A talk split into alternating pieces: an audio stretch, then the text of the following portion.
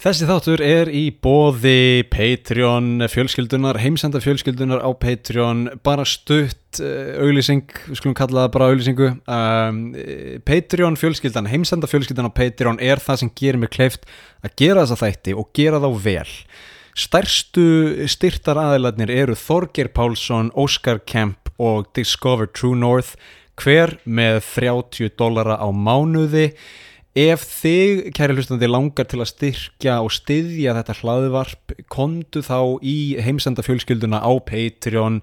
Eh, ódýrast áskriftin eru 5 dólarar á mánuði, það er eins og kaffibotli eða cappuccino. Það er sko, nú er líka að koma hérna, mánaðamót, það eru mánaðamót, fólk er að fá útborgað, vonandi, og við getum orðað þetta svona. Þú getur eitt pening í einn bjór á bar eða í tvo mánuði af heimsenda áskrift do the math. Eh, komið á Patreon það er basically að segja að segja. Eh, það er veistla, þar eru þættir á borð við eh, Yakuza sumo glímu ég fjallum woke menningu í Japan. Spoiler alert, hún er ekki til staðar.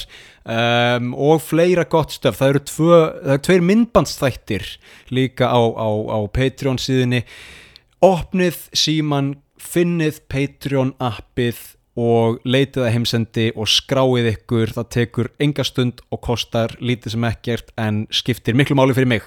Ok, takk fyrir það og dembum okkur í þáttinn.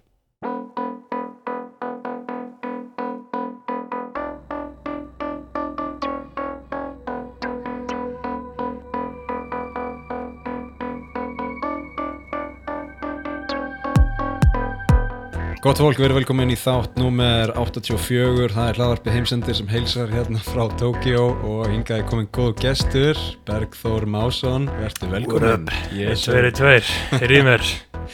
Hvað segir þú gott? Uh, ég er stórfenglur, stórfenglur, en þú? Ég er mjög góður. Uh, jú, við hérna, við erum í Tóriðsu Dægaku, uh, mm. þú ert sko fyrsti íslendingunni sem kemur hingað. Já, einmitt, einmitt. Og, og úr nummið tvö að koma í sko heima stúdióið Einmitt, einmitt, mikið leður Já maður, uh, gott að fá þig. Hérna, þú er búin að vera í Tókjó og þú er búin að vera í Japan í hvað, mánuð?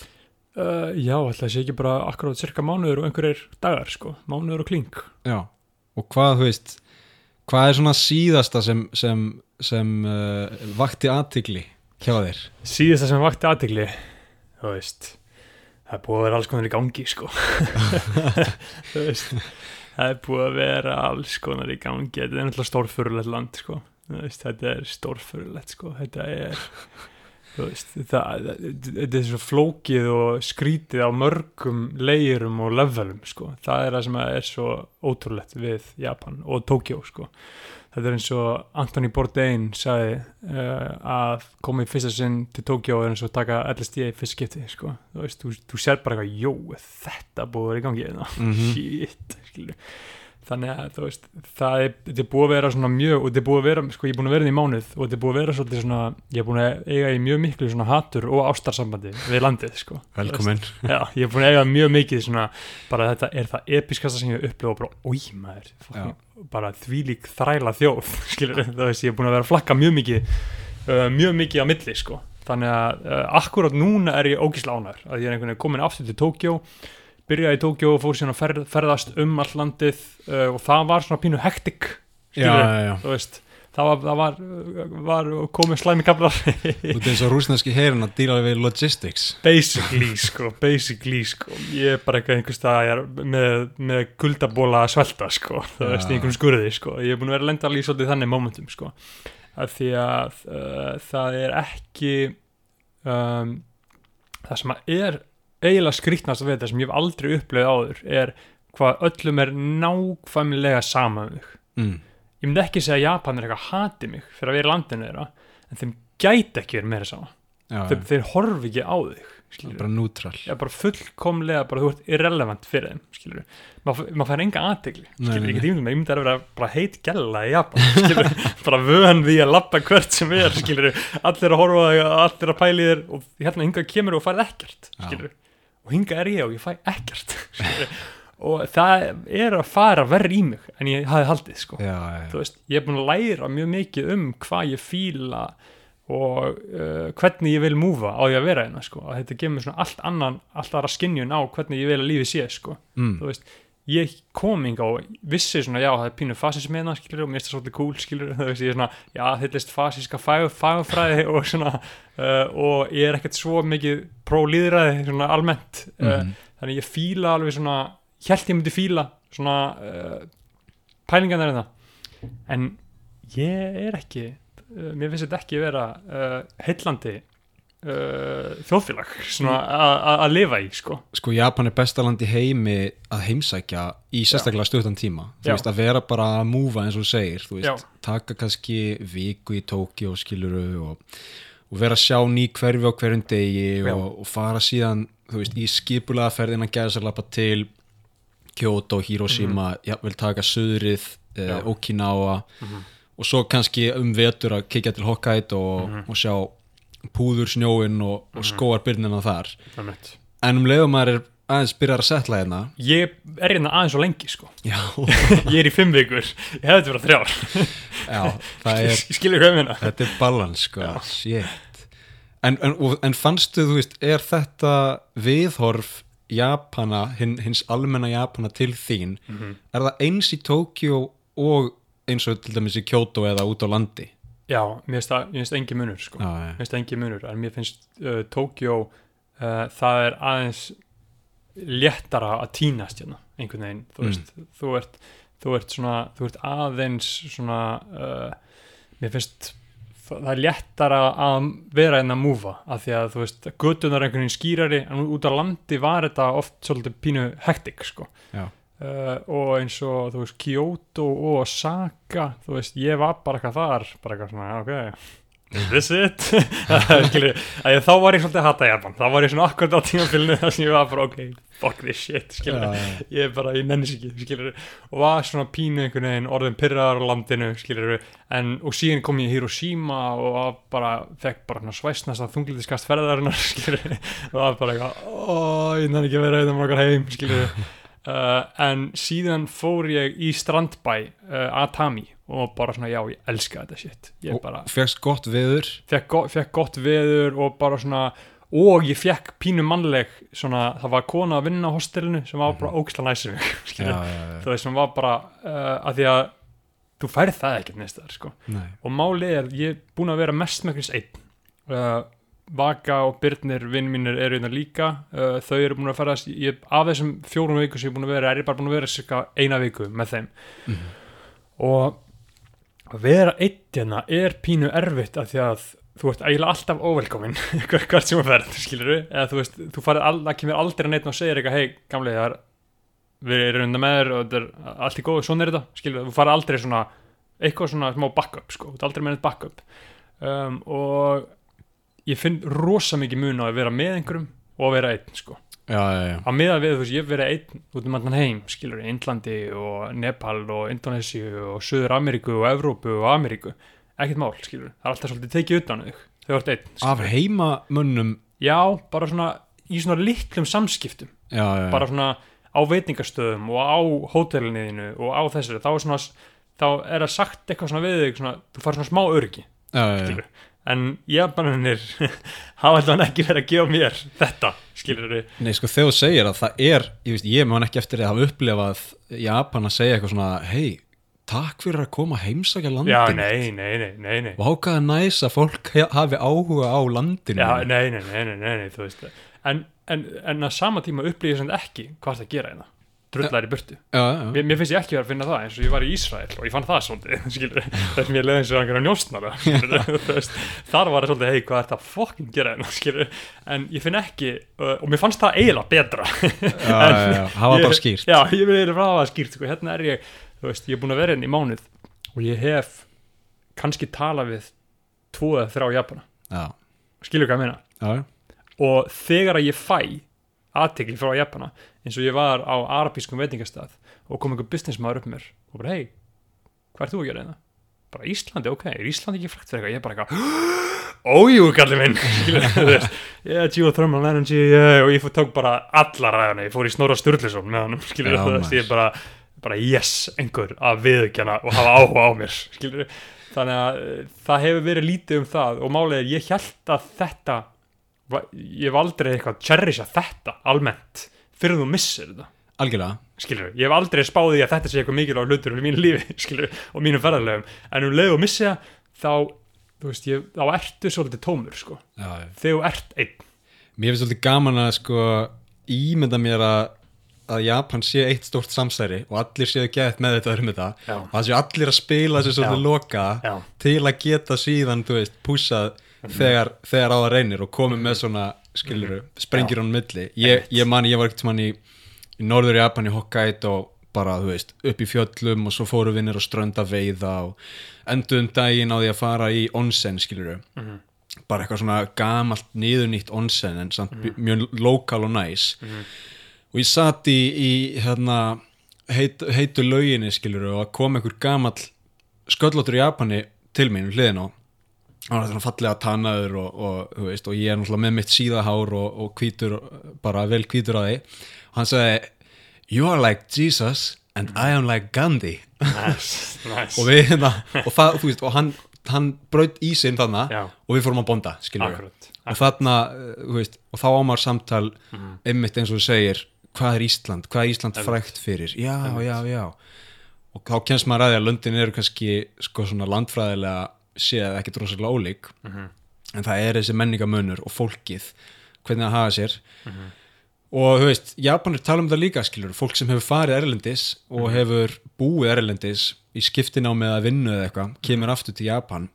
Veist, það er bara stundum mjög erfitt sko. Já, það, veist, þetta er alveg stórfyrðulegt, sko. Og mér hefur verið bara mjög flökurt, hérna skilur, þú veist, bara búin að vera lappum göttuna bara pínu óglatt, sko. Uh, út af því að það er ekkert auðvelt. Ég get aldrei lappað en einhvern stað. Jú, 7-Eleven, það hefur verið örgið mitt. Já, já, já. 7-Eleven, bara komið mat þar, það hefur verið örgið mitt. Þar ekki tala við neitt, bara borga nota Apple Pay, skilur já, en að fara inn og panta sér mat, skilur það er mission, já, þú veist, það er mission. Uh, það er ekkert eitthvað það, það tekur ekki einhver brosandi sæt stelpa á mótið þér og segir, hei, velkomin er hérna, hérna, er- hérna enski menjún okkar Já. ég það bara grátt byggja þig um það ef það er til veist það er svolítið uh, skrítið og þú veist út frá þessu hef ég uh, lært mjög mikið um svona hvað ég vil Mm. út frá þessu, sko, ég held að ég væri eitthvað svona meiri introvert en ég greinilega er Mm. skilur, já, já, já. veist, ég greinilega þarf þetta til þess að vera ekki óglatt skilur, Það, það, ok, tökum það sko að því að þú er búin að vera á ferðarlagi í hálft ár. Já, og þú veist, við kannski krefum það aðeins betur á eftir hvar þú hefur verið og svona en, en þú er búin að vera mestmægnis einn eitthvað aðeins með vinum. Ég sagði bara ní- 90% einn. Já, og þú veist, við rættum þetta um daginn að Mhm. þú varst ekki að tala um það veist, það væri geðt erfitt að vera svona mikið einn nei, ég elska já, þessi ég bara svona, ég er raunverulega elska að vera svona einn sko. en þá náttúrulega varstu með mission þá varstu að skrifa já, og nú er það búið heldur að Já. þetta hafi verið ykkur, ykkur skil þarna? já, já, 100% sko, þú veist, af því að ég er búin að vera einn einhvern veginn fyrir samengið, þá byrjaði ég á fe- ferðalagi 17. desember í fyrra, þá Mhm. fór ég til Marokko með uh, fjölskyldun minni um jólin og síðan fóru þau heim til Íslands og þá fór ég yfir til Ísrael uh, og síðan fór ég til Indlands og síðan fór ég til Nepal og síðan fór ég til Indonesia og síðan kom ég til Japan. Og, uh, og þetta hefur verið ég er búin að vera núna í fimm mánuði eða eitthvað. Ég er svona, er svona svolítið að ljúka þessu. Þannig að það spila kannski svolítið inn í einmannleikið minn hérna í Japan er að ég er svolítið komin heim í hausnum. Já, já, já, ég skilji skilur, þú veist, ég er bara eitthvað pínu komin heim, skilur pínu bara eitthvað, uh, já, ætli ég að, hvernig ætli ég að fara að múfa ekki um heim skilur, mm, já, já, þú veist, ég er bara eitthvað heimi á mér svona pínu með heimþrá í Mhm. fyrsta sinn, sko, þú veist. Og hvort sem að það sé út af því að ég atna, út af því að ég er uh, hérna í Japan og allt er tölvöld skrýtnara, miklu skrýtnara en í hinurlöndunum, sko, í hinurlöndunum þá bara, þú veist, þá var hverstagsleikin ekkert mál skilur, í Indlandi líka? Indlandi líka. Veist, töluðu, töluðu allir ensku. Já, já, já, og það var bara, vá, ert í landin okkar? Geggjað, skilur þau mér að segja þið frá hérna. Og það var mér þess að stundum of mikið oft þar, skilur það var bara, bara velkomin velkomin, töluðu allir ennsku og bara tekið utan um þau og þeim bara, þeir bara voru svona mjög stoltir af landinu sínu og einhvern veginn að fá bjóða þér það. Mhm. og þess vegna hef ég núna, svona, en það var mjög erfitt að vera í Indlandi þegar ég var þar að það var bara fucking skölla. Og allt, allt skítugt og, ógislega mikið fólki. Uh, en ég horfið tilbaka núna bara og það var bara svona, þú veist magnaði sér tími lífsmíns sko. Þú Indland er bara, þú veist, þetta er bara sorsið af öllu, skilur þú veist, þetta er bara, þú veist, þetta er Buddha og þetta, þetta er Jésu Kristur, Schopenhauer segir að Jésu hafa lært í Indlandi, skilur og ég ætla bara að trúa því, skilur já, uh, og bítlanir, skilur þú veist, bítlanir fóru hann og sóttu, þú veist, það var Steve Jobs, þú veist, iPhone-in, skilur þetta, þetta poptónlistan okkar og iPhone-in kemur frá Indlandi, skilur þetta er sko. Þetta er, skilur, að að þess vegna horf ég tilbaka svolítið á Indlandi núna bara, wow, hvað ég spæntur ekki aftur skilur, Já. ég er bara, ég er að drepa. Og kannski mun ég horfa eins og Japan Já. skilur, að því við erum búin að tala svolítið neikvætt um Japan. Það er það sem við gerum í þessum þætti sko. Já, já, maður er búin að vera svona, það er margt pyrrandi, skilur, þú veist sérstaklega að vera að múfa þetta einn og þú veist, og, og þú veist, ég fíl ekki þessa bælingu, skilur já, ég, þú veist, þú ert all, allstaðar en annarstaðar í heiminum, ert þá út að lappa á kvöldin og þú sér bara einhverja gæja að vera að hangsa á einhverju hotni, að hlæja og djóka Mhm. sér það ekki til þér, sko Nei, veist. og ekki nema bara eitthvað eftir klukkan, þú veist, eitt um nótt skiluru Já. og þá er það fölsk eða þú veist, þá er það Já. fölsk sko expression. Já, já, ein- einmitt, einmitt, þá er þetta bara eitthvað, eitthvað sköld, sko. Já, en þú veist, þú sér það ekki eins og svo geggja að vera bara eitthvað á Indlandi, það er bara, það er svo mikið bræðralag, skilur, og það er svo mikið gleði og svo mikið stuð og mikið grín og glens og gaman, skilur, hérna er þetta rosa alvarlegt, sko, hérna er þetta er svo steikt sko. Ég, veist, ég var um daginn í Okinawa með fjölskyldinni og við fórum á sko við vorum á okkur svona ekki resort en við vorum í svona strandbæ skilur og þú veist apríl komin bara 25 stega hiti sól og sjórin næs bara alveg svona fullkomlega hlýr. Og ég sá bara fyrir mér að liggja á ströndinni skiluru og slaka á, lesa bækur fara út í sjó, synda, kafa sjá okkur að fiska. Já, nei, sko, þá er ströndinni bara lokað. Einmitt, og þú veist, þá eru bara reglur. Og þú mátt ekki gera þetta og þú mátt ekki fara að synda. Og ef þú ætlar að synda þá þarf að býða þangað til að við opnum í mæ og þá máttu bara synda fyrir innan þetta net. Einmitt. Þú veist, og jafnvel á svona stað sem á að vera einhver staður sem þú átt að slaka á, skilur Já, já. ég meina hvar, að því að Japan er ekki að fara skilur til Tenerife eða eitthvað. Nei, nei, Þú nei, veist, nei. Japan er fara til Okinawa til að chilla. Já. En það er samt ekki búið að sko svona besta eiguna Já. til að fólk geti chillað. Þú veist, ég veit ekki hvort þetta sé eitthvað þeng, ég á mjög góða reynslu á Tenerife þess að taka dæmið sko. Aha. mér fannst mjög næs að liggja þar á bakkanum og lesa góðar bókmentir og synda í sjónum og þú veist, allt þetta. Um, en þú veist, þar er búið að besta markmiðið hvernig getum við chillað Þa, það er nefnilega svolítið áhugavert sko, með við hvað Japan er hyperkapitalist land bara svona massa stórfyrirtæki þá er að tvent sko mjög áhugavert við kapitalismann það er fyrst lagi þeir hafna globalismannum, skilur, þeir vilja ekki neitt Coca-Cola og Nestle og þetta stór, stóra stöf, það er engar globalist pedofile fjárfestingar hérna í Japan, skilur, þeir komast ekki inn. Uh, það, þetta er allt svolítið japanst og síðan er líka með hvað þetta er samt þróa kapitalismi er hvað þetta er samt svolítið lazy eins og þetta, af hverju ekki búin að taka þessi eigi og fucking optimæsa þetta skilur, af hverju ekki búin að akkurat passa á alls konar svona veitingastæðir og svoleiði stöf, það er einhvern veginn ekki alveg búið að optimæsa gróðan skilur, sko Japan er eh, sko ef við tölum bara um hard power faced Mhm. þú veist, bara eitthvað military power skilur, þá er Japan með þriðastæsta her í heimi ok. Og og hef- á eftir bandaríkjunum og síðan Rússland eða hvað, Kína. Ok, Kína meira. Ok, Já, og hérna sko Japan hefur, þú veist gömlu kallanir í jakafötunum í, í ríkistjóninni hafa Mhm. Já. sko leikið rosalega góðan leik að fela þetta, þú veist, Ok. þú vissir þetta ekki skilur, og fólk veit þetta ekki. Um, það er búið að markast þetta Japan sem bara svona friðar sinna já, já, þjóð já, sko, einmitt. Svo er herin bara drullu öflugur. Já, og það kemur að hinu sem er soft power. Þar eru Japanir heimsmeistarar sko. Já, og hvort það er skiluru japanska ríkistjórnin eða japanska þjóðin á bakviða eða bara túristar sem koma Mhm. og, og sækja einhvern innblástur og fara svo með það út og dreifa því. Maður veit það ekki en þú veist sushi uh, veist, neonljósin anime, manga bara japansk menning er king í að dreifa sér um, um, um plánutuna og, og þú veist, það vita allir hvað Japan er og það langar Já. nánast alla að fara til ég veit Japan það, ég veit það en eins og þú segir, það er ekki búið að beistla þetta það Nei. er ekki búið að nei, þú einmitt, veist, taka þetta, hei ok, gerum þá túrisma að 20% af já, hagkerfinu skilur við einmitt það er sem er svolítið áhugavert þetta er ennþá dulin veröld skilur. -hmm. og það er sem er skrítið að koma engað skilur ja, ja.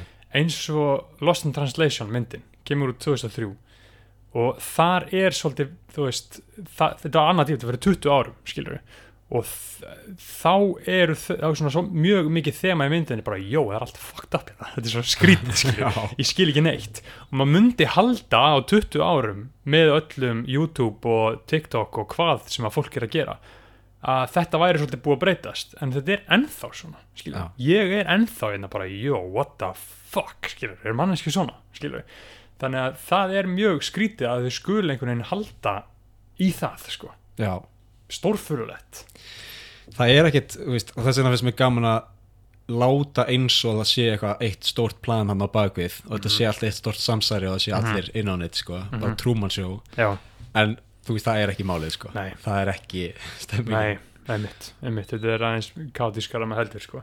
En þetta er eins og þú sagðir, sko, að þú veist að japansk menning, þú veist, hún er ennþá svo falin eins og þú veist, og þannig að við skiptum yfir í að tala um það sem er jákvætt, skilur Já. við, við í Japan, þá hef ég rosa lengi vilja koma engað, sko. Að já. þetta hefur alltaf verið svona pínu svona, svona heilagur uh, einhvern veginn svona staður að fólk kemur og svona heillast af þessu landi og færi það síðan yfir í listina sína, sérstaklega tónlist sko, ég meina öll graduation platanars Kanye 2007, það er Japan skilur, þú veist, Stronger myndbandið er bara Akira, þú veist, hann var bara algjörlega og hlusta á graduation plötuna hérna, út að labba á, á Tokyo, hlusta bara á Flashing Lights og Everything I Am, þú veist, þetta er bara svona ok, já, ég fatta þetta, skilur og þetta er alveg eins og, þú veist, Weekend early, svona miðferils Weekend, Kissland Weekend hann var allur í Japan, Skepta, Konnichiwa hann var all, bara að gera heila plötu sem heitir Konnichiwa, skilur þetta er rosalega japanst og þeir ná einhvern veginn að taka þetta og channela þessu í sinn eigin búning og alveg eins og þú veist, annar rappari Lil Uzi Vert sem er einn af mínum uppáhalds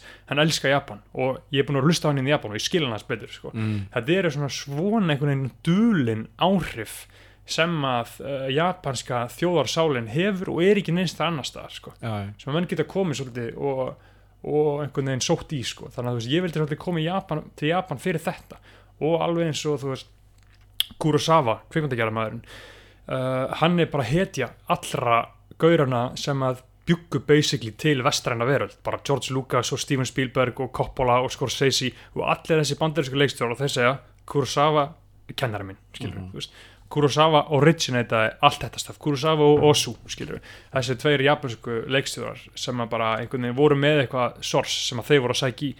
Og það er svolítið áhugavert sem eitthvað svona source aföllu en það sem er líka svolítið áhugavert við ég er búin að vera að fara um hérna, að reyna svona að skilja japanska myndlist og eitthvað og japanska stöf en ég næ ekki að tengja sko. Mm. ég, ég, hérna, ég næ ekki, ég er aldrei búin að sjá ég er búin að fara á öll söfnin í Já. öllum borgunum, sko, og ég hef ekki séð neitt í japansk sem að ég er, jó, þetta er feitt Já, ég hef ekki náð því, af því að það er, veist, þeir eru svolítið að gera einhvern veginn sitt take á vestræna uh, vestræna myndlist eftir Meiji upplösnina, sérstaklega skilur, Mhm. þú veist og ég sá á einu safni þá var verið að tala um sko að gömlu japansku málverkin líta bara út eins og einhver húsgögn fyrir okkur, skilur, Já. þetta er bara teiknað á eitthvað svona stöf sem að heldur fyrir hurðum skilur, þetta er einhvern veginn bara allt annað sko, og teiknað á svona scrolls skilur, já, svona já. langt. Einhvern veginn allt annað þannig að ég hef ekki náð að búa til tengsl við það endilega sko,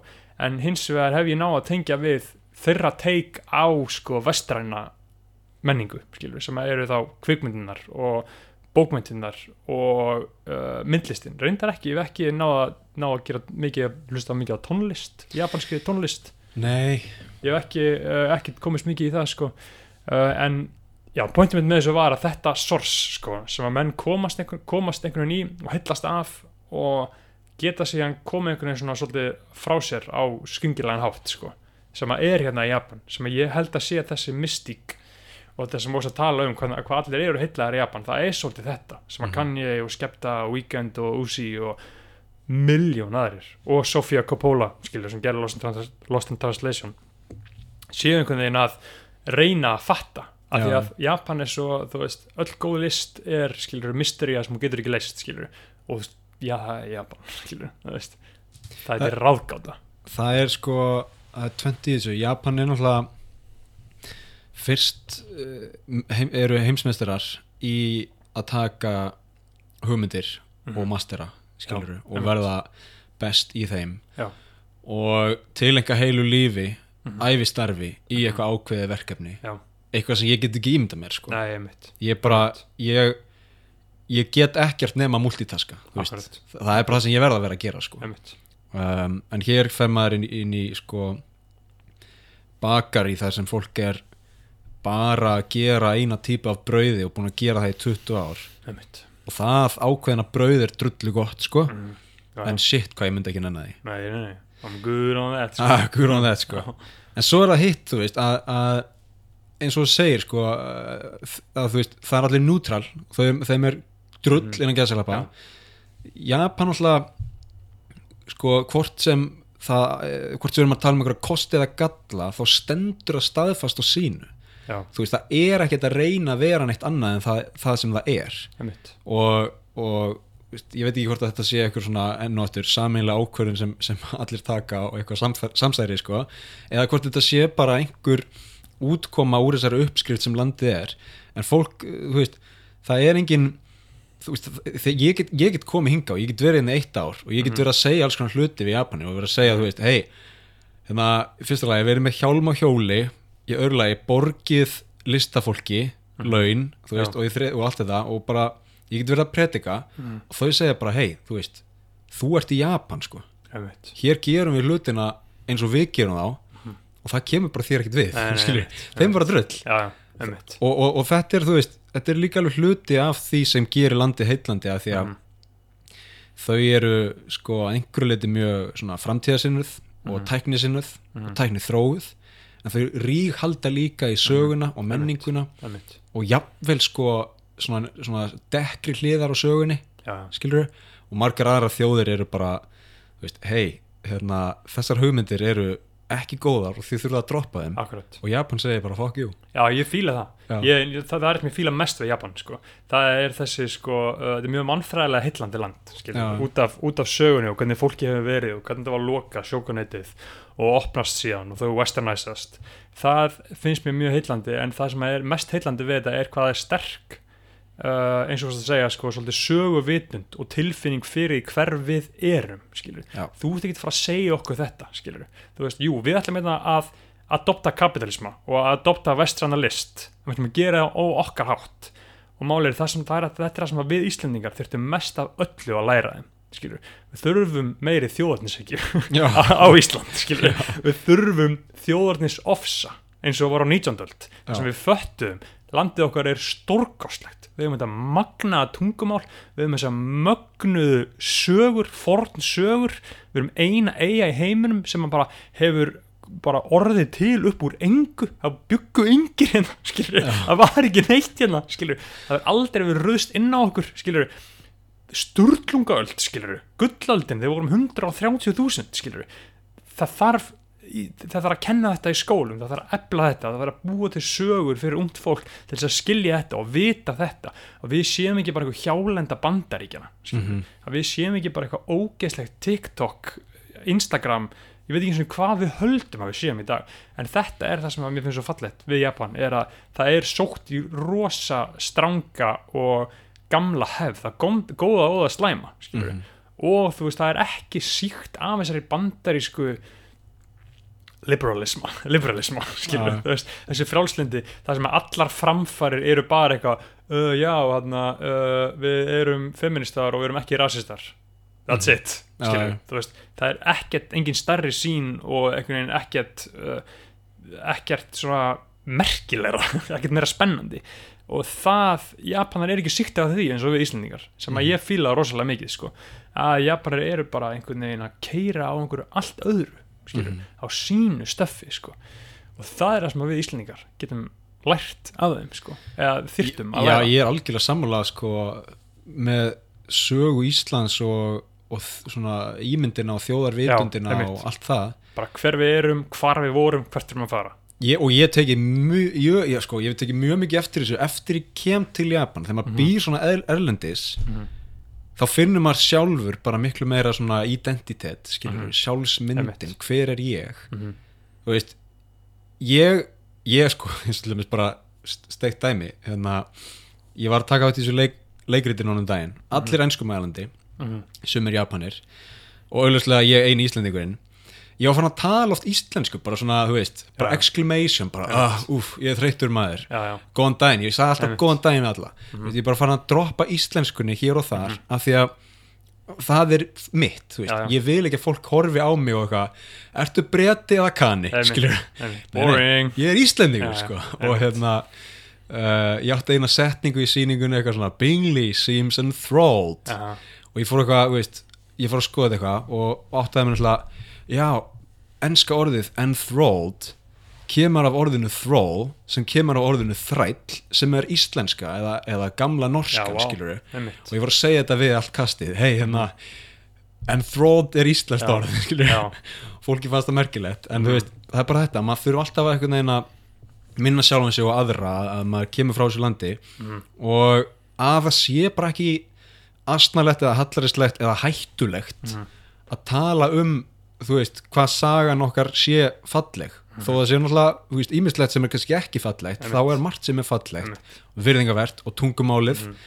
og hérna ég er alveg algjörlega sammálaður þar sko að þetta er helsti heila vírus, liberalisman sko, að við förum að tala um hann sko, þú veist, þá er þetta að afskrifa allt að þetta voru hvíti gamli kallar skilur við, bara já ok hvíti gamli kallar gerðu uh, allt skilur þú veist við, getum, við, erum að taka í góða og í vonda. Þeir gerðu auðvitað eitthvað vond, skilur en jú, þeir settu pípulækningarnar okkar, skilur rafagn okkar allt þetta, og ég held að því lengra sem við höldum áfram í því að sko, uh, förum dýpra inn í sko, þessa uh, liberalisman og hugmyndafræðina og allt tengist því meira sem við förum að sækjast eftir svo kallu þú veist, fölsku jafnrétti, skilur við Mhm. þá svolítið missum við þessar sögu vitund sko. þá Mhm. missum við þessar sko, hver við erum, hver við erum að fara að því að afskrifast allt, allt í einu bara er Gunnar og Hlýðarnandi ekki merkilur skilur, Já, já. eða Egil Skallagrimsson eða þú veist, Norri Sturluson skilur, að þetta voru einhverjir kallar skilur, Já.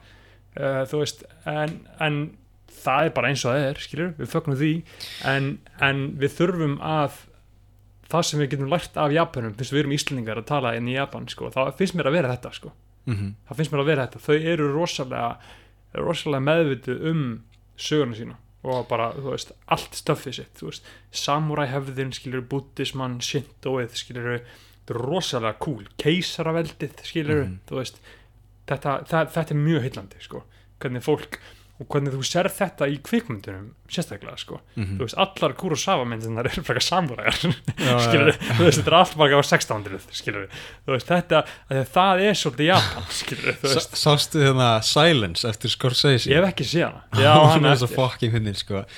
það er Adam Driver og Andrew Garfield eru, Já. þú veist eru ykkur í jesuitar og þeir eru mættir í mission. Já, þeir er alltaf snúa japansku þjóðinu til kristni. Já, einmitt. Þú veist og, og þeir eru lenda ekki staðar í, í Nagasaki eða ekki staðar í Kyushu. Og það er búið að byggja upp eitthvað svona kristi samfélag. Mhm. og þeir mæta bara á hei þetta verkefni verður miklu öðuldar en við heldum að því að hér er allir til í, til í partíið sko. Já, svo bara, þú veist, halda þér aðeins inn í land og mæta bara þessum stríðsherrum Já, og já. daimjó og samúræjum. Og þú veist, long story short þá eru þeir bara teknir Já. og pyntaðir. Já, já. og Japanir eru bara Já. við viljum ekki sjá þessa villitrú þessa Einmitt. eingiðingstrú hérna. Einmitt, það er bara, þú veist, burt með þetta. Já, svo ekki að barbarismar. Bara, já, kristnir barbarar. Og loka bara landinu, já, skiljum já, var þetta, er þetta sagan um það þegar landi lokaðist? Já, sko, þetta er, þetta er þegar það var lokað Já, þú veist, og ok. þá var bara verslun milli, ja, sko, suð-vestur hluta Japans og, veist, Hong Kong eða Macau eða eitthvað, Kína og aðeins Kórea. Mhm. þannig að þessi jesuitar voru, að- voru að hérna, fá far með einhverjum Mhm. verslunarskipum frá Kína skilur og lenda hana og ætla að fara að breiðu, breiðu tökra trú. Og þeir eru bara, þeir eru bara í hellum skilur Mhm. vel skeggjaðir og með sítt hár og bara veist, á guðlegu missjóni en, en Japanin tekur bara þú veist, það var eitt sem þeir gerðu þeir tóku fólk og sko krossfestu það í flæðamálinu Já. þannig að þegar fjaran kom þá Mm. hægt og rólega druknaður einmitt, þú veist. Já, Ó, og svo var annað sem við ger- gerðu það var sko að binda fólk við ykkur stöyra við svona heita hveri mm, og, og erum með svona lang, langt bambus uh, spjót og, og pott á endanum með gat, götum eins og sikti sækja sjóðandi heitt vatn mm og, og sturta Vá, þú veist, fórnarlömpin í sjóðandi heitu brennisteinsvatni. Þú veist, að bara pynta þetta við, já, ekki fokk í þessu. Ekki fólk í þessu en, en hérna, þú veist, aftur á Íslandi ef við eigum ekki okkar sögu hvað eru við þá? Hva, bara eitthvað bandarísk hjálenda, skilur Já, og, og þú veist sem er svo asnalett að því að örgulega helmingur þjóðarinnar hefur ekki farið til bandaríkjana, skilur Einmitt. kannski ekki oftar en einu sinni, kannski farið til New York eða eitthvað, whatever og veist, við vitum ekkert um bandaríkin nema Nei. bara eitthvað sem kemur í gegnum fréttaflutning eða, eða svona popular culture um, þetta er ekki við, þetta er ekki okkar Ég veit að þetta er, þú veist, við stöndum á miklum krosskötum, sko, skilur þú veist, við þurfum, uh, það, það þarf að vernda tungumálið, skilur það þarf að vernda allt þetta og það þarf, sko, að passa upp á það, sko, að krakkarnir séu að alast upp í þessu, skilur að krakkarnir séu að hlusta á íslenska tónlist, skilur séu að horfa á okkur íslenskt efni, séu að hlusta á íslensk podcast, skilur að þeir séu einhvern veginn múraðir í, uh, í íslenskuna til þess að viðhalda þessu, sko, þú veist og það er það góða við Japan sko að þeir eru alveg með þetta sitt á reynu sko. Mm þeir vissu þetta alveg. Þeir eru auglýslega gerðu ráðstáðanir fyrir að þeir westernæsuðust svo mikið. -hmm. ok, við ætlum að gera uh, en við ætlum að passa þetta skilur. já, og það getur alveg verið fokkin perandi eins og allstaðar sem ég fer þá eru alltaf bara öll skilti bara á japansku sem er að segja hvað er í gangi en síðan kannski eitthvað svona ein setning á skilur, alltaf bara eitthvað svona ein setning bara eitthvað, já ok, hvað þýðir allt hitt það er ekkert útskýrt skilur, en ég sé það einu á ensku en tíu á japansku, ok, fuck það, það, það að sko, það er alveg svolítið erfið, svona þunn lína sko, hvernig býður maður uh, útlendinga velkóna, Já. skilur en verður samt íslens, íslenskuna Þetta er svona, veist, útlendingar eru með ókipis aðgang en, Já. en Japanin er með paid, sko, það er svona Já. pre premium, sko. já, já, þetta, þetta er svolítið þú veist, þetta er svolítið skrítið sko, uh, erfitt svona svolítið að navigata þetta alveg rétt skilur. Og ég meina, gaur, ég er búin að vera hérna í eitt ár núna í Tokyo og ég, þú veist, var í eitt ár í Sapporo og ég er búin að vera viðriðin í Japan í 12 ár já, og þetta er bara, þú veist, þetta er, þetta er bara endalust nám. Maður er alltaf að læra eitthvað og, og veist, í, í þessu hlaðurpi þá tala ég mjög mikið um svona innan gerðis að bara neikvæðar hliðar á landinu já. af því að mér finnst að þar getur maður lært Einmitt. mest, sko. emmitt Bæði um sjálfan sig og um þjóðina Mhm. og um tækifærin.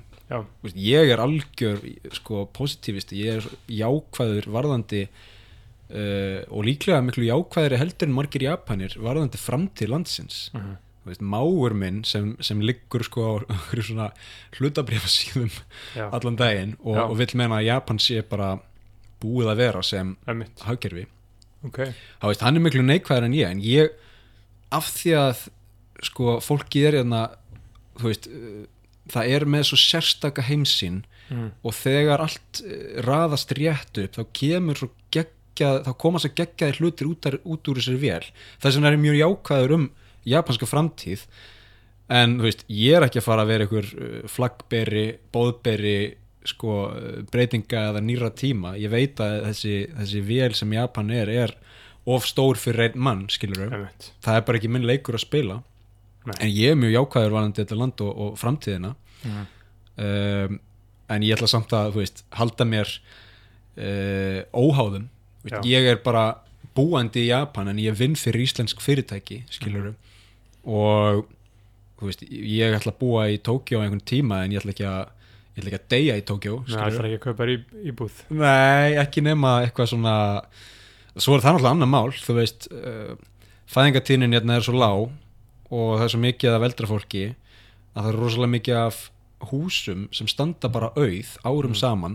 Mm, og það er rosalega gaman að að skoða svona fasteigna síður í Mhm. Japan. Mm, þú getur fundið 100 fermetra hús út í sveit á svona einu og hálfa miljón já, ok, wow.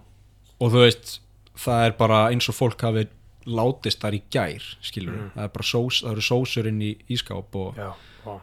og hérna ég meina það væri alveg verkefni að kaupa eitthvað hannig og gera upp skilur það verið mission, já, en, en á sama tíma þá veit ég ekki hversu mikið ég vil bindast þessu landi þú veist. einmitt, einmitt.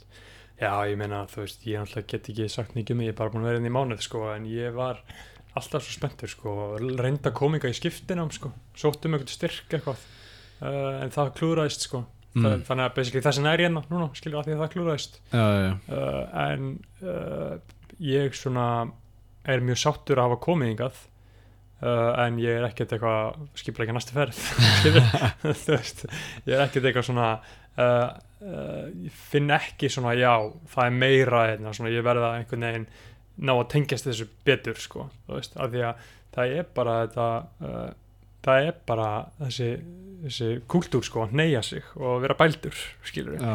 sem að mér finnst bara svo fálunur skilur, Já, bara já. ekki, hei, fucking statt í lappinnar skilur, þú veist, verður betn í baki og bara, þú veist uh, smá svona, verður stoltur að Já, þér, já. skilur en það greinilega er ekkert, þú veist, hugsað þannig hér eða veist, skilur, það, það er bara eitthvað kannski ekki talið vera jákvætt. Ekki sem einstaklingar nei, en sem heild.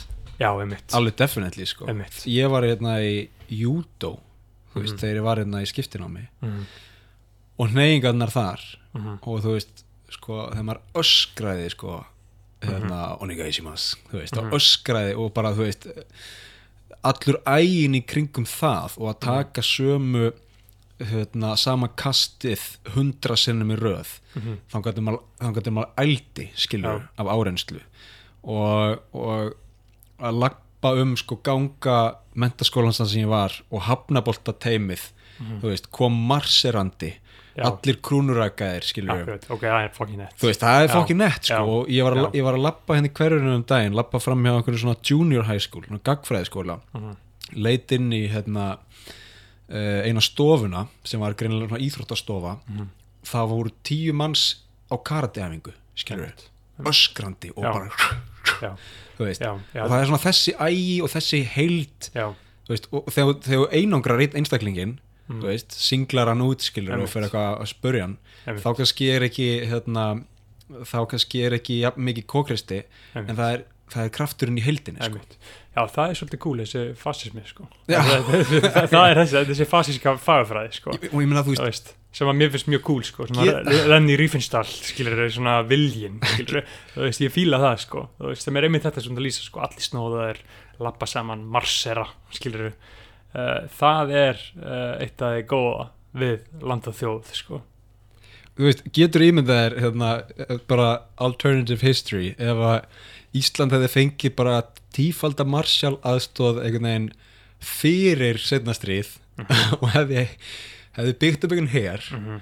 og þú veist, Ísland hefði farið inn í Danmörku Já. Ísland hefði farið inn í Noreg, skilur Ísland hefði basically púlað Japan Mm -hmm. þú veist, hvernig myndi Íslandingar haga sér bara eitthvað á þriðju innrás Já. Já. veist, ég, ég veit ekki, maður myndi beila Já, það væri uh, það er eftir að segja til það sko. Það er það sko uh, en þú veist en ég ávið skilur að þessi ægi það er það nýtan algjörlega til góðs og til Já. íls 100% sko veist, Japanar töpuðu stríðinu 1942 mm, tóku samt þrjú ári viðbót akkurat, já akkurat. Neitu að gefast upp. Það er bara, þú veist, ekki sens var sko. einhver gæi á eigu í mörg ár og eitthvað og var bara eitthvað- 1978 já einmitt og bara eitthvað all, vildi, ekki, vildi ekki gefast upp. Algjör pláan var á okkur sko Philipseyskri eigu já, og Philipseysk yfirvöld voru búin að senda leitarhópa þú veist, Mhm. ítrekað mm og hann skaut bara alltaf já einmitt, einmitt, bara einmitt. Ah, Já, þetta er skoldi, uh, það, ég- veist, það er þessi sko, þetta Mishima stuff sko, þessi Mhm. samurai spirit sko, veist, skilur við, uh, sem að er svolítið cool sko, í, í þjóðarsálinni sko, þessi, þessi bardagamaður og, aðna, og svona neita að gefast upp, skilur við, og veist, það eins og segi getur verið nýtt í góðs og íls, skilur við, fyrir Algjörlega. eftir svona hvernig þú vilt, uh, hvernig þú vilt tólka það sko. Og það mjög, þú veist, það verður mjög áhugavert að fylgjast með þessu landi á komandi árum og áratögum Mm sko, nú er bara staðan þannig í heiminum að þessi heimsluti er að herfaðast vopnvæðast anything goes sko. anything goes, Tævan er búið að grafa göng og hella og setja fallbissur og það er miða allar eina átt, já, og Einmitt. Kína er búið að gera það sama. Heldur að Kína var ekki að taka þetta yfir eða? Eh, ég hef heyrt árið 2027 já, það er einhver, einhver tævanskur einhver tævanskur hersöðingi sem segir það, skilur, hvað eru Tævan stór, stórt land? 23 miljonir já, ok, þau eru ekki sjans Nei, en sko en sko, þú veist en ég meina, þú búið veist, fyrir því að ef að Xi Jinping þetta er samt skilur lítur að taka sko. Þetta er samt svo erfitt mission. Þú veist, þetta eru 100 kilometrar af sjó.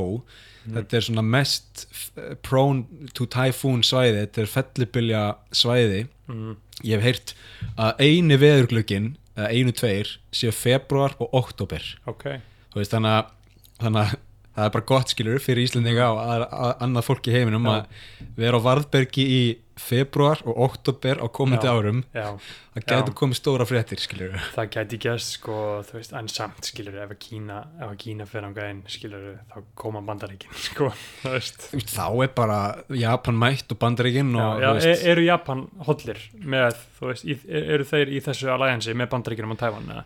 já, alveg hundu bara svona engin séns maður veit það ekki, maður veit ekki neitt af því að Nei. veist, Japan hefur ekki verið í stríði í, í 70 ár. Og þeir eru náttúrulega svolítið nazistar innan. Mér finnst það líka svolítið fyndið við, við Japani, hvað eru hallir undir þetta Já, ég meina þeir eru allan ekki búin að ganga jafn langt á þjóðverjar til að veginn, þú veist, Nei, þeir þurrka þetta út sko. ég, ég er í svona ég, ég, eins og ég sagði, ég er svona gaman að svona her og fasískri fagafræði, ég er búin að fara í allar svona herbúður sem ég sé, Já, og það er bara full-blown nazi regalia til sögur, skil, ég geti gett með nazista bóli og keðjur og pinna og allt, eitthvað svona sem aldrei sjá í Európu, skilur Sko, þú, þú, sel, þú selur ekki hackkrossin neinstar. Nei, öfga hægri slasiðan hérna er öflug, sko. Já, hún er öflug sko, er sko og allir missjum að sé ekki svolítið stór hjá þeim eða? Jú, bara í ykkur lokuðum reikfylltum herbyggjum, skilur einmitt, einmitt. Um, Nei, ég meina þetta verður, þú veist þetta verður náttúrulega bara hræðilegt og allt það en, en fyrir svona skilur perra eins og okkur skilur, Já, já. þá er náttúrulega mjög áhugavert að fylgjast með þessu, Já, spilast út sko, Al algjörlega sko, algjörlega. Og sjá hvað Indland gerir, veist, Indland er að spila báðaleiki, einmitt, hliðolt Rúslandi, hliðolt Kína líka hliðolt Vestrinu. Einmitt, og greiði Nepal í miðjun og Indland og Kína. Ég var þar og allir bara brotnir sko. Það, það, er það, er, það er ekki það er engin stoltur þar sko. Að þeim sem ég talaði við sko það var rosa svona ah, veist, ég var í Indlandi þá voru allir bara já, ég elska Módi bara Já, Módi er kóngurinn skilur, og við hötum Kína. Þetta er bara mennum voru að segja þetta var í óspurnu fréttum, bara ég fucking hatt Kína skilur, það er greinlega rosalegu ríður þarna, sko. þannig er líka sko þú veist 150 kínverjar og 150 indverjar með Mhm. kilfur, með sko gattavír já, að berjast. Já, veist, þetta er bara svona medieval her, akkurat, herglenska í gangi þannig sko. akkurat, akkurat akkurat ah, Já, guð blessi þetta, vonandi kemur ekki stríð en uh, það mun koma stríð. Þú skilur, sama, sama hvað eins og mennum að segja sko, millions must die sko Þú veist. ég, ég heyrði sko klikkaða hérna, greiningu á Rúslands málinu demografían er svo sko, eh, hún er svo slæm hjá þeim, þar að segja að það er að fæðast svo mikið af, eða það er, það er að fæðast svo lítið af ungu fólki. Mhm. Að landið er ekki sjálfbært og landið mun renna bara út í sand, renna undir lok, líða undir lok einhvern tímann í kringu 2060-70 Mhm. þá verður bara of mikið af veist, eldra fólki, of lítið af ungu fólki Mhm. uh, núna eru rússar 140 miljonir þú veist, undir lok þessar aldar verða þeir skilur 60-70 miljonir Mhm. Og þá er þetta bara orðið, þú veist 25. stærsta hagkerju heims bara eitthvað lokal Akkurat. bull skilur og enginn til í neitt Mhm. þannig að, þú veist, greiningin var basically svo að, Putin var að fara í þetta stríð Mhm. bara one last push Akkurat. skilur Mary til að deyja á eigin forsendum veist, við vitum að þetta Já. er búið leikurinn er búinn en við viljum deyja á okkar eigin forsendum segir Putin, skilur og hérna og takk yfir, yfir Úkræninu búið til landbrú til, uh, til uh, Transnistríu og, Mm. og klára þetta standandi. Já, go En- out with a bang. go out of the bang. En þú veist, málið er bara að Úkræna segir bara veist, við erum alveg til í slægin skilur já, einmitt, já, og bandaríkin og allt þetta, shit Já, bandareikin alltaf elska þetta Já, shit, sko. þeir Bandareikin eru, eru heimsmeistarar í svona covert operations sko. já, já, þetta er bara eitt stórt proxy war, sko, þú veist ég, þú veist ég veit ekki hvernig þetta mun allt tróast, sko, veist. Ég meina að alltaf leiðilegasti heimsættirinn er er bara fade out sko. Já, einmitt, ég fór náttúrulega til Hiroshima og sjá það, sko. Mm -hmm. mm. það var svolítið hellat, sko. Já, það var svolítið hellat að sjá hvernig það þurrkaðist út, sko. Já, hvernig það gjössanlega þurrkaðist út, sko og hvernig Japanar þurftu síðan að taka það að vera svona niðurlæðir, skilur mm og síðan var þetta bara occupation skilur þú veist og þú getur ímyndaðir stemminguna sem að hefur gerst þá skilur þú veist allir bara veist, allir sem að skömmu sín ekki bara þú veist. Það er, það er rosa pain í þjóðarsálinni þar sko já og þannig verður Mishima og allt hans stöf svolítið til sko mm upp úr þessari nið, niðurlægingu Japana sko. Það er það er, er svona rosa svarti blettur sko sem er samt svolítið fallega líka. Þú, þú er búin að lesa katalógin hans Mishima. Sko ekki allt sko hann er alltaf Mishima skrifaði sko 35 skáldsögur 40 leikaritt og 20 non-fiction bækur sko. Og Já, veist, á 20 árum sko. Já, hann var bara, hann, hann var bomb út skáldsögu á hálfu ári sko, veist, hann var bara hann var, hann, hann var sko, Paul Schrader uh, leikstjóri sem að gera leikna mynd uh, byggða á æfans, ég mæli mjög mikið með henni fyrir alla hlustendur, uh, Mhm. Mishima Life in Four Chapters, geggjuð mynd og epist soundtrack og bara svona virkilega eldist ógeðsla vel sko, hann lísti Mishima sem sko uh, fungerandi uh, geðklúa sko. Já, bara já, svona veist, hann, hann vann alla nóttina, bara var að skrifa einhverja bækur, skilur já, og síðan var hann bara eitthvað að stopna einhvern enga hér, skilur og síðan er hann bara eitthvað í lunch með einhverju stjórn, stjórnmálamanni, skilur og síðan er hann bara eitthvað, eitthvað rugglaður, þannig að þú veist uh, ég uh, heillaðist mjög mikið af honum, sko. Og þetta er svona svolítið eitt af þessum fenómenunum, sko, sem að, sem að sækja á mann og maður fær á heilan, sko, og þetta verður sko skemmtilega því lengra sem maður kemst inn í þetta Mm. þú veist, þú lest æfisöðun hans og síðan fer að skoða svona skringilega punta svona kenningar á svona einhverjum síðum og eitthvað svona svona skilur Mhm. það er, það er, það er af nógu að taka í að lífi uh, Yukio Mishima sko Mhm. uh, og ég ætlaði sko að lesa allan, hann skrifaði síðan sem hann gerði áður hann fram til sjálfsmorð þá, þá skrifaði hann svona fjórleik um sögu Japan sko. Eitt byrjar í Meiji tímabilinu og síðan er hitt á millistýrisárunum og síðan er hitt eftir, nei, þriðja eftir setni heimstyröld og síðan er fjóruða bókin svona 60s, 70s uh, en ég bara fekk svo mikið ógja í Japan. Þegar ég var inn þar, skilur að ég gati ekki verið út að lappa og komið heim að lesa eitthvað japanst, ég bara gata ekki nei, nei. þannig ég las bara tvær. Ég, veist, ég las fyrstu tvær og, og þú veist, og númer tvö fjallar um strák sem að stopnar svona ultranationalist hægri samtök og þeir ætla að drepa kapitalista landsins og síðan fremja seppuku eða harakiri, Mhm. þú veist, hann er svona fullu í þessu og það sem er málið með Mishima er líka sko, hann er mjög húmorslaus sko. Já, já, já. hann er ekki að djóka Engin tími fyrir Nei, nei, þú veist, fagurfræðin hans er sko nótt og blóð og dauði og líkamar, skilur þú veist, þetta er rosa svona, þú veist, svona forngríst, þú veist, bara svona fegurðin deyjum fyrir hana, skilur veist, Mhm. fegurðin er hryllingur og við ætlum að drepa okkur fyrir hana Einmitt. og deyja ungur, skilur veist, svona mikið að deyja í orustu og Uh, það er fínt inn á milli sko en þegar ert eitthvað einn út að lappa í Japan og þeir eru óglatt þá, uh, þá nennir ekki að koma heim í það sko. Nei, nei, þannig að ég, uh, ég feilaði svolítið í Mishima, missionunum mínu ég, ég fóldaði að þegar ég bara ég gat ekki pintið í mig skilur Já, en það er, þú veist, en þú átt það inni í sko, veist, íslenskri náttúru hugsandi tilbaka. 100% og þegar ég mun hugsa jákvægt tilbaka til Japan, skilur, núna er ég svona í þessu, skilur, þú veist, ég þurfti bara að koma heim og lesa bara Nietzsche, skilur ég, ég þurfti að lesa eitthvað, skilur eitthvað norður-evrópst, skilur eða eitthvað íslenskt, skilur ta, satt, þú veist, ég er náttúrulega ta talandi um að hérna, maður sé ekki þræll bandaríkjana sko, þegar ég var í skiptin á mig hérna, mm -hmm. þá fekk ég algjörlega ógeð af landi og þjóð og tungumáli sérstaklega. Mhm. þú veist, ekki eitthvað svona ógeð, ég hata þetta bara Mhm. of mikið. Aha, þú veist, bara of mikið álag. Já. þannig að ég þurfti að fara að skokka. Mm byrjaði náttúrulega að skokka berfættur og tók 5 km á dag bara til að, til að svona eh, klára líkamlega hlutan og andlega líka. En svo um kvöldin var ég að horfa á sko How I Met Your Mother já, sem er náttúrulega sem er sko góðu þverskur legend, wait for it, daddy. Það er eitthvað sem ég þurfti. Ég þurfti að heyra sko að, bara ameríska tungu já, á kvöldin. einmitt.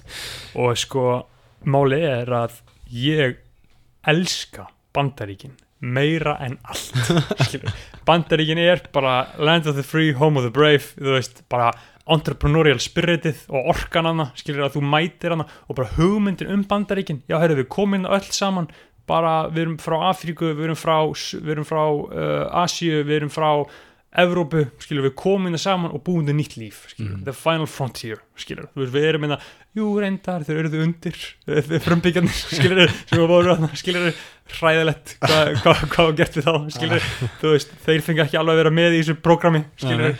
þú veist en eins og sem ég vil segir, skrifum það á annan tíðaranda skilur en Þannig að Guð blessi þau með fullri vinningu fyrir þeim, ég, bara mikið, ég elska peyote og ég elska kultúru þeirra. Uh, ég er ekki að tala það niður heldur að bara fíla hugmyndin um bandaríkin er bara það ótrúlegsta sem ég veit um. Og málega er ég elska Ísland skilur en hefði ég verið þannig í lok 19. aldar og bátarnefur væri á leiðin yfir ég held ég hefði farið sko já. ég held ég hefði farið sko tekið Manitoba já, já, mögulega sko ég, að hefði einhvern veginn náða að rætta mér til Kaliforníu sko það er já, já. það er my ancestral home sko. ég kom til LA í fyrra skilur og fekk bara svona bara já, bara þú veist bara hver einasta manneskja hérna er að lappa út um dyrna sínar á mótnana og hugsa það geti eitthvað ótrúlegt gerst í dag Mhm. hver einasta mannskja í allri borginni skilur, veist, þetta er orkan hana skilur, Já. það er, þetta er bara þetta er the final frontier, skilur, þetta er ok, við erum inn í Kaliforníu,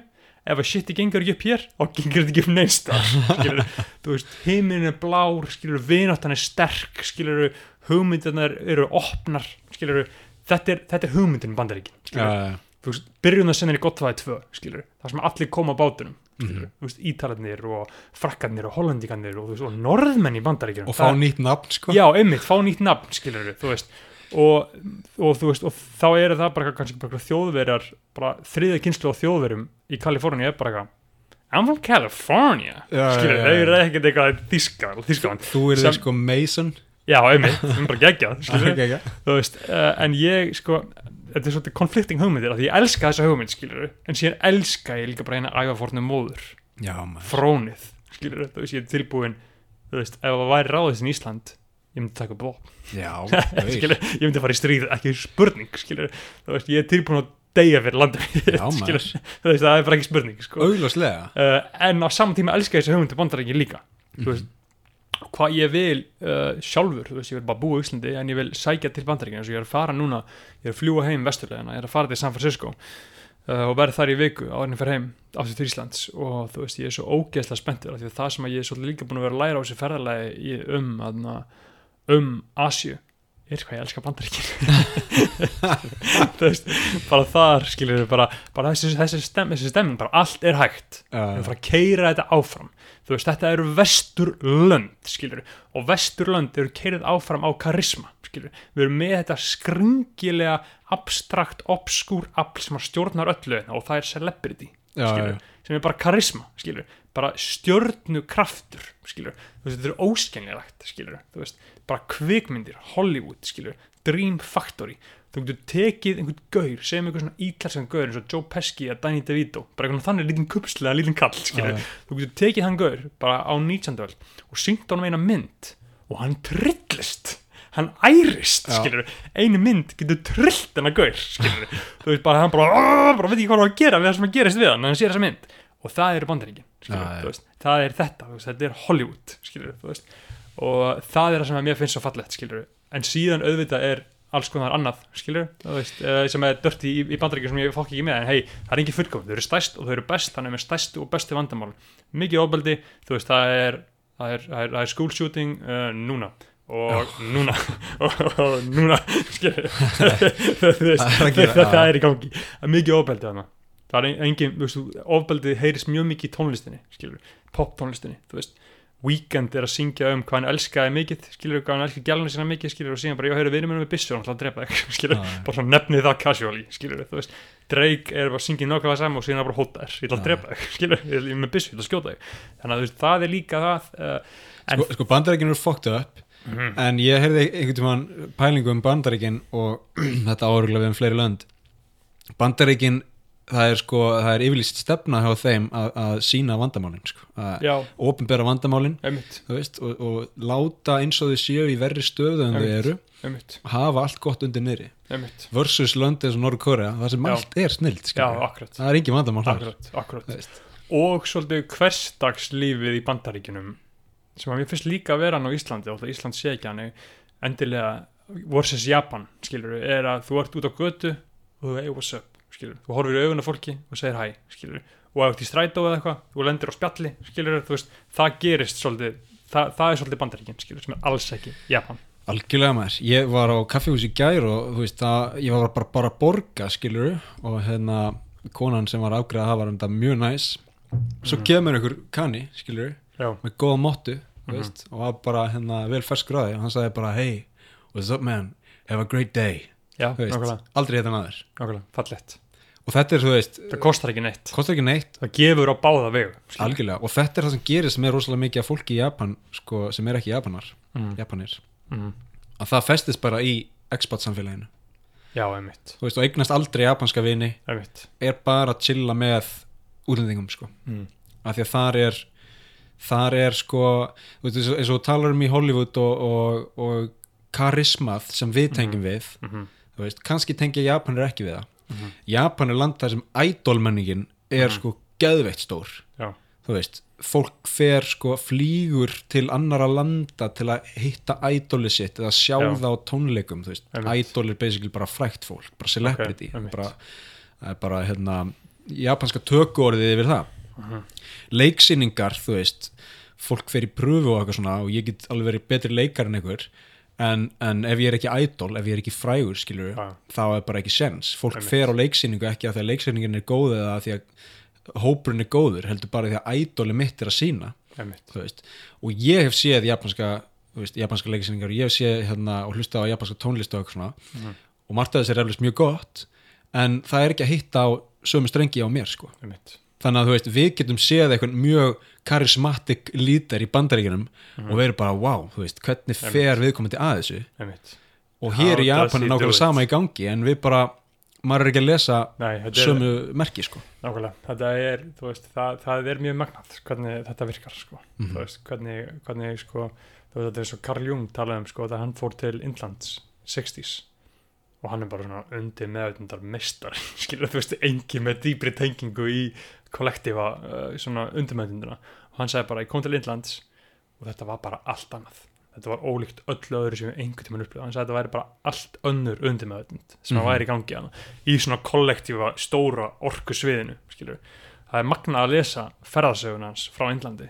Eh, Já, Jungarinn var hann að ég held að það hafi verið 60s eitthvað kringu það sko.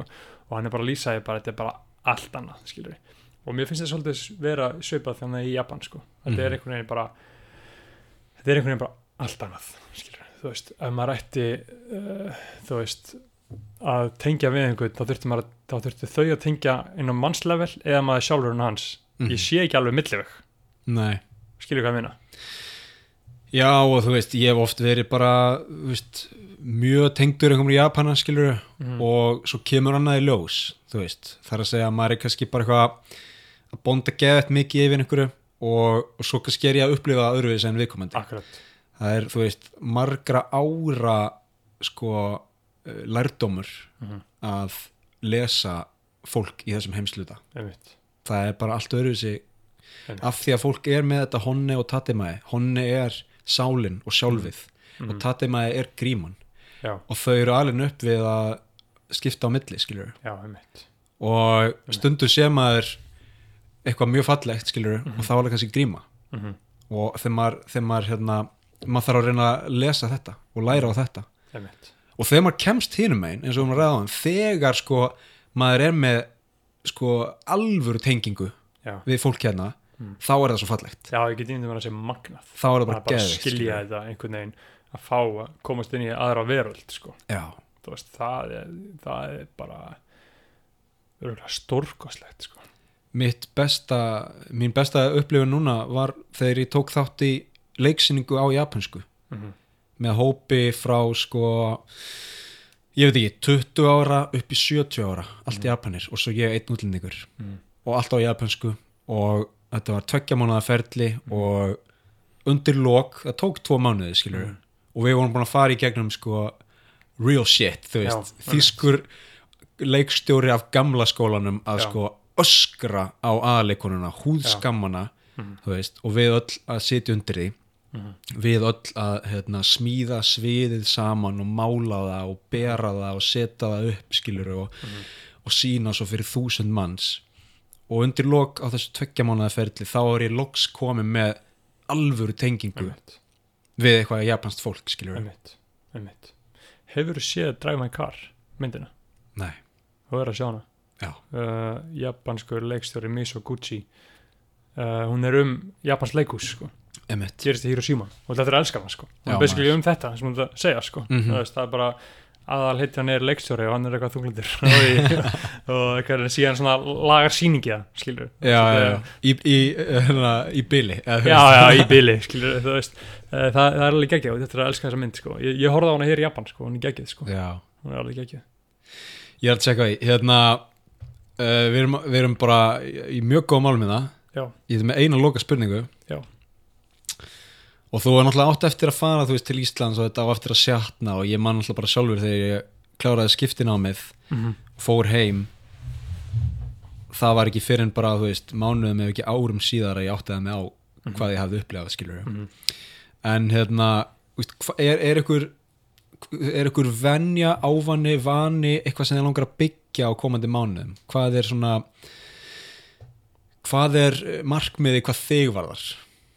Hvað mig varðar er það sko svolítið bara uh, þú veist ég fór út til þess að skerpa á fagnar skilur, þú veist, ég svona veit hvað ég vil ég búinn að rosalega mikið interrogata þarfinna mínar og langarinnar mínar og hvernig ég vil lífa lífinu hvernig ég vil struktúra, hvernig ég vil byggja upp.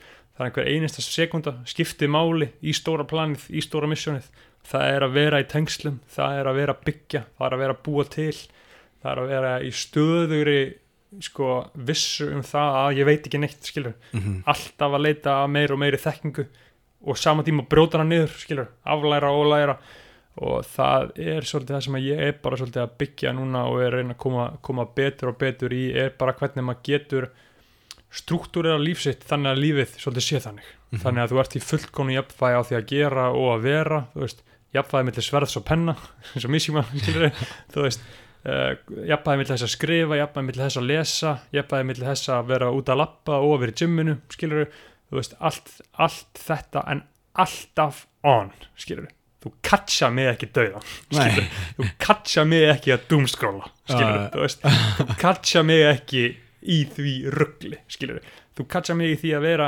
anti-modern modernisti, þú veist, ég er lifandi 2003, skilur þú veist, en við þurfum það sem við þurfum að gera er að heiðra það sem við þurfum að heiðra og hafna því sem við þurfum að hafna skilur. við þurfum alltaf að yfirheyra okkur hvaða er, af hverju þetta gera sem þetta gera Mhm. skilur, af hverju ertu einna að vorkina þér, skilur, af hverju ertu að velta þér upp á þessu, skilur, þannig að ég er bara í stöður yfirheyslu við sjálfa mig um af hverju er, af hverju ég er að gera sem ég er að gera.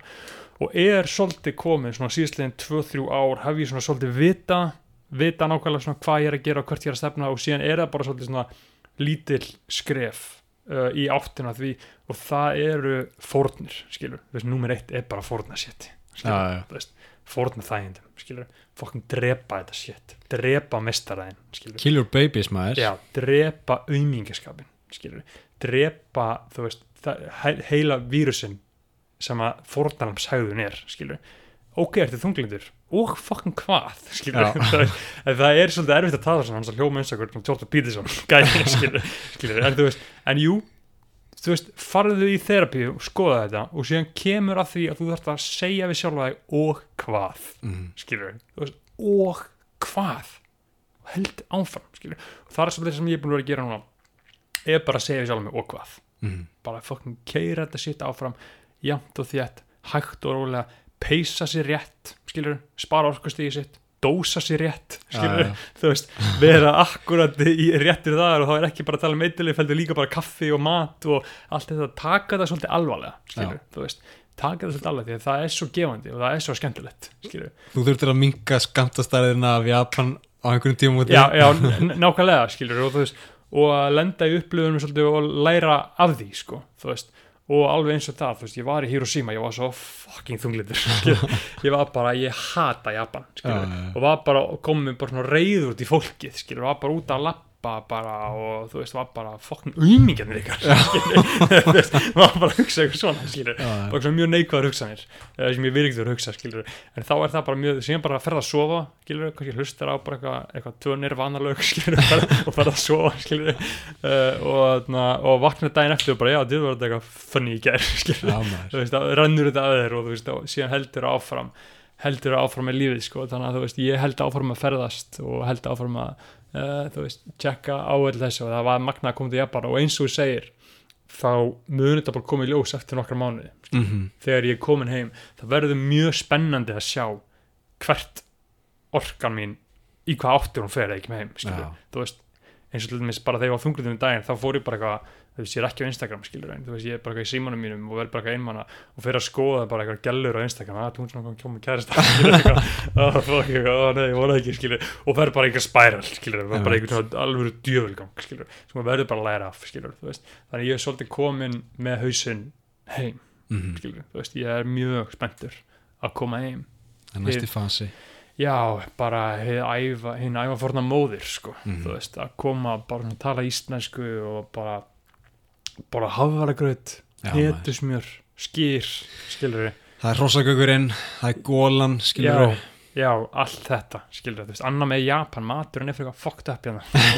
Þú veist, það, er þessi glindum að tala um það skilur ég, ég er ekki með háa standard að kemur á mat skilur en það er samt allt eitthvað svo djúbstegt og dirty skilur Það er þessi sko, þú veist, sæta sko. Það er alltaf að mixa einhverju sætu shiti í, í matinn sko. Já, það er alveg svolítið fyrir sko. en 7-Eleven er snild skilur Já, þú veist, og, og svo Japan sem svona neytandi skilur að því að svona grinsta gaggrinin á lönd er alltaf svona, já, þú getur fara út í búð og keiftir allt, bara, "Uh, ok, so.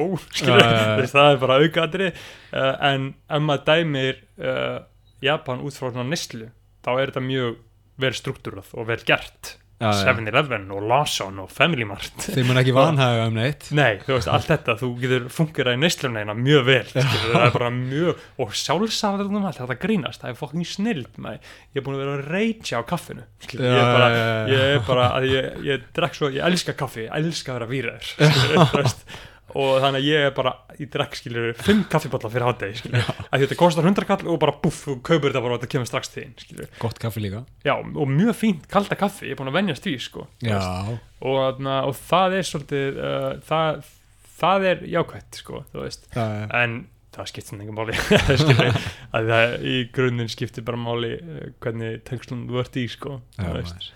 Uh, og það er allt skilur, hitt er bara eitthvað aukaðri skilur, eins og hún hann að ég um í park hann að Norður Kóru CIA assetið skilur, Joe Rogan já já hún er alltaf bara eitthvað í Norður Kóru gæti ég ekki fengið mér ís? Eitthvað, ok. Er, skilur, ok. Já, alltaf, alltaf þetta, þetta er grinsta gaggrinin alltaf, já, þú getur keift svo mikið skilur, bara, jó, ég er ekki að reyna að kaupa shit, skilur, Nei. ég er bara að reyna að fá að feðra hérna, skilur uh, og fyrir það er Japan pínu erfitt, sko. Já, já.